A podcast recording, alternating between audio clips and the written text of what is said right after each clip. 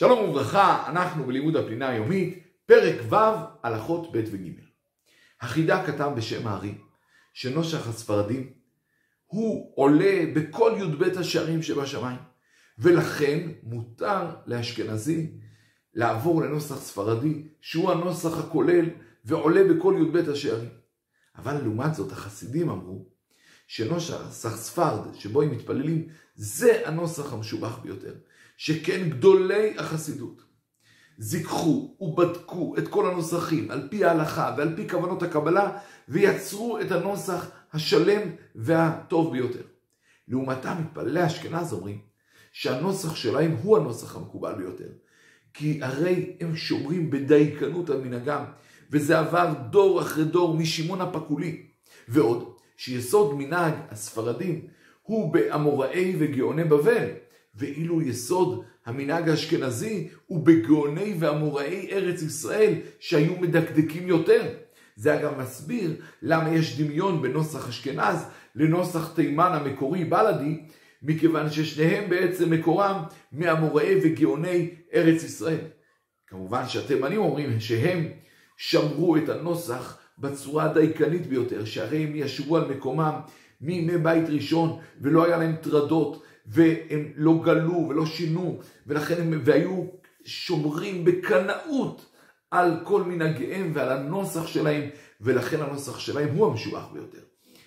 ובאמת, כאשר ספרי התורה התימנים, הם מתאימים בנוסחם בצורה המדוקדקת ביותר לנוסח של כתר רם צובה, שזה ספר התורה העתיק ביותר והמדויק ביותר שנמצא בידינו. כללו של דבר. בכל נוסח ונוסח יש יתרון. וכל אחד צריך לשמור על נוסחו.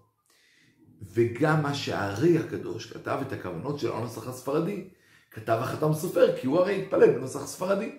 ועל זה כתב את הכוונות. ואם היה מתפלל בנוסח אשכנזי, היה כותב על זה את הכוונות.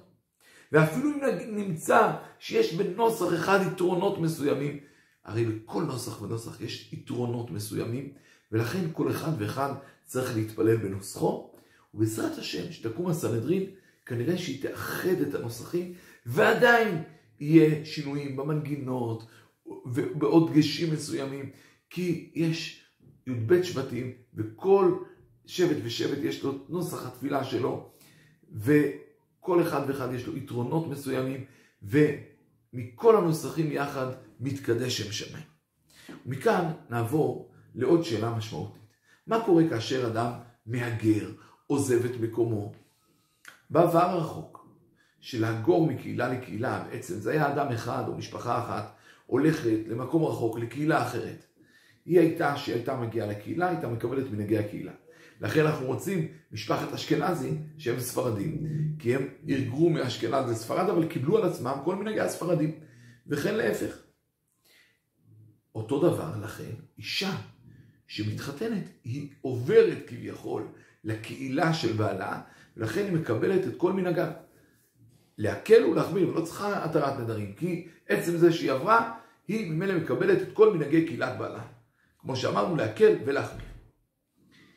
ואם ילדים שיש להם אה, אבא בנוסח מסוים ואימא בנוסח אחר, והם עכשיו מתפללים בקהילה של האם, טוב שיתפללו בנוסח האם. למרות שבדרך כלל כאשר יש ילדים שיש להם אב מקהילה אחת ואימא מקהילה אחרת, מקבלים את נוסח האב. שכן המנהגים בישראל וההלכה בישראל והאיכוס בישראל זה הולך על פי אב. אבל, כמו שאמרנו, אם הם נמצאים בקהילת האם, לכבד אותם, יתפללו כמנהגם. כאשר קהילה שלמה עוברת, למרות שכל האנשים שמסביב, אפילו הרוב הגדול הם נוהגים בנוסח אחר, כיוון שהם קהילה שלמה, יכולים לשמור על מנהגם. וזה ממילא מה שקורה בארץ ישראל. שכל, שכיוון שעולים קהילות קהילות, לא יחידים, כל קהילה טוב לה לשמור על מנהגה, ואפילו אם מיעוט, כל קהילה וקהילה תשמור על מנהגה. המרוקאים והתימנים והספרדים והאשכנזים וכמובן בכל כל קהילה כזאת, בתוך הספרדים, יש ירושלמי ויש מרוקאי וטריפולטאי, וכל אחד ואחד שומר על מנהגו, ומיני ומיני מכולם יחד יעלה כילוסו של הקדוש ברוך הוא. ונסיים בשאלה, האם טוב שאדם יחליף נוסח לאור זה שכתבו על נוסח מסוים שהוא הנוסח הטוב ביותר? אם הוא יכול, האם טוב שיחליף לנוסח אחר או לא?